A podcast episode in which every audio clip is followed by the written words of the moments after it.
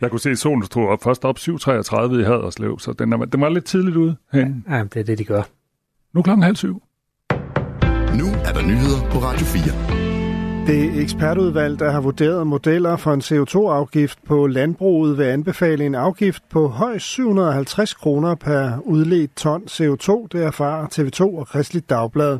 Det er Svareudvalget, opkaldt efter formanden for udvalget, professor Michael Svare, der i dag præsenterer sine anbefalinger i en rapport, der er blevet udskudt flere gange.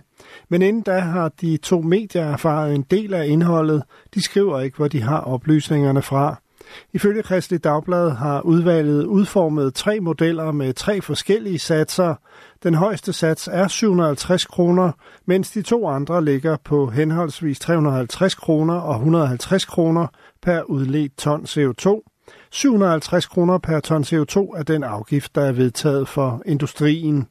Landbruget skal også levere til den grønne omstilling, siger præsident for Danmarks Naturfredningsforening Marie Rømert Gerding til TV2 så ved vi jo også, at landbruget fylder mere og mere i klimaregnskabet. Det vil sige, at landbruget skal omstille sig. Man skal begynde at producere nogle andre ting på sine marker. Man skal have færre dyr, sådan så at man kan være med til at levere øh, til, til Danmarks klimamål fuldstændig ligesom andre erhverv er i fuld gang med deres grønne omstilling.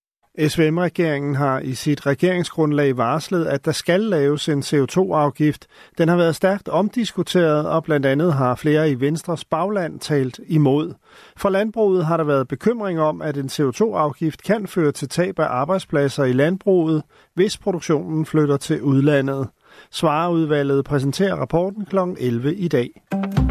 Trivslen blandt elever på Adrup skole lå under landsgennemsnittet i den seneste måling fra sidste skoleår. Det viser trivselsmålingen fra Børne- og Undervisningsministeriet ifølge Jyllandsposten. I målingen har 84 procent af eleverne svaret, at de generelt trives på skolen. Landsgennemsnittet lå på knap 88 procent. For bare en håndfuld år siden svarede næsten 93 procent af eleverne på Adrup skole, at de trives. Siden er den faldet år for år. Adrup skole er i øjeblikket omdrejningspunktet i en sag, hvor forældre til elever på skolen har udtrykt bekymring over grænseoverskridende adfærd. Donald Trump risikerer at få beslaglagt sine skyskraber. New Yorks Justitsminister Letitia James siger, at hun er klar til at gå efter beslaglæggelse af ekspræsident i USA Donald Trumps aktiver, hvis ikke han betaler en bøde på 355 millioner dollar. Det siger hun til ABC News. And we will ask the judge to seize his assets. Vi vil bede dommeren om at beslaglægge hans aktiver, siger hun. Beløbet, som Trump skal betale, svarer til knap 2,5 milliarder kroner. Beslaglæggelsen skal i så fald blandt andet gælde de skyskrabere, som Trump ejer, lyder det. Trump fik bøden i sidste uge, fordi han gennem et årti har overdrevet værdien af sit familieforetagende med op til knap 25 milliarder kroner. Ekspræsidenten har appelleret bøden. Den 29. maj skal sydafrikanerne til stemmebokserne, når, det, når der både afholdes nationalt valg og valg i landets ni provinser. Det meddelte landets præsident Cyril Ramaphosa i går, skriver AFP.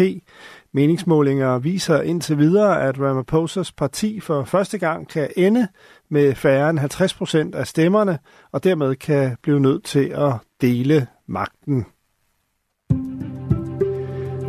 Først lidt regn og diset. Senere klarer det op. 5-9 grader lidt til frisk vind omkring vest i aften og i nat. Regn af og til.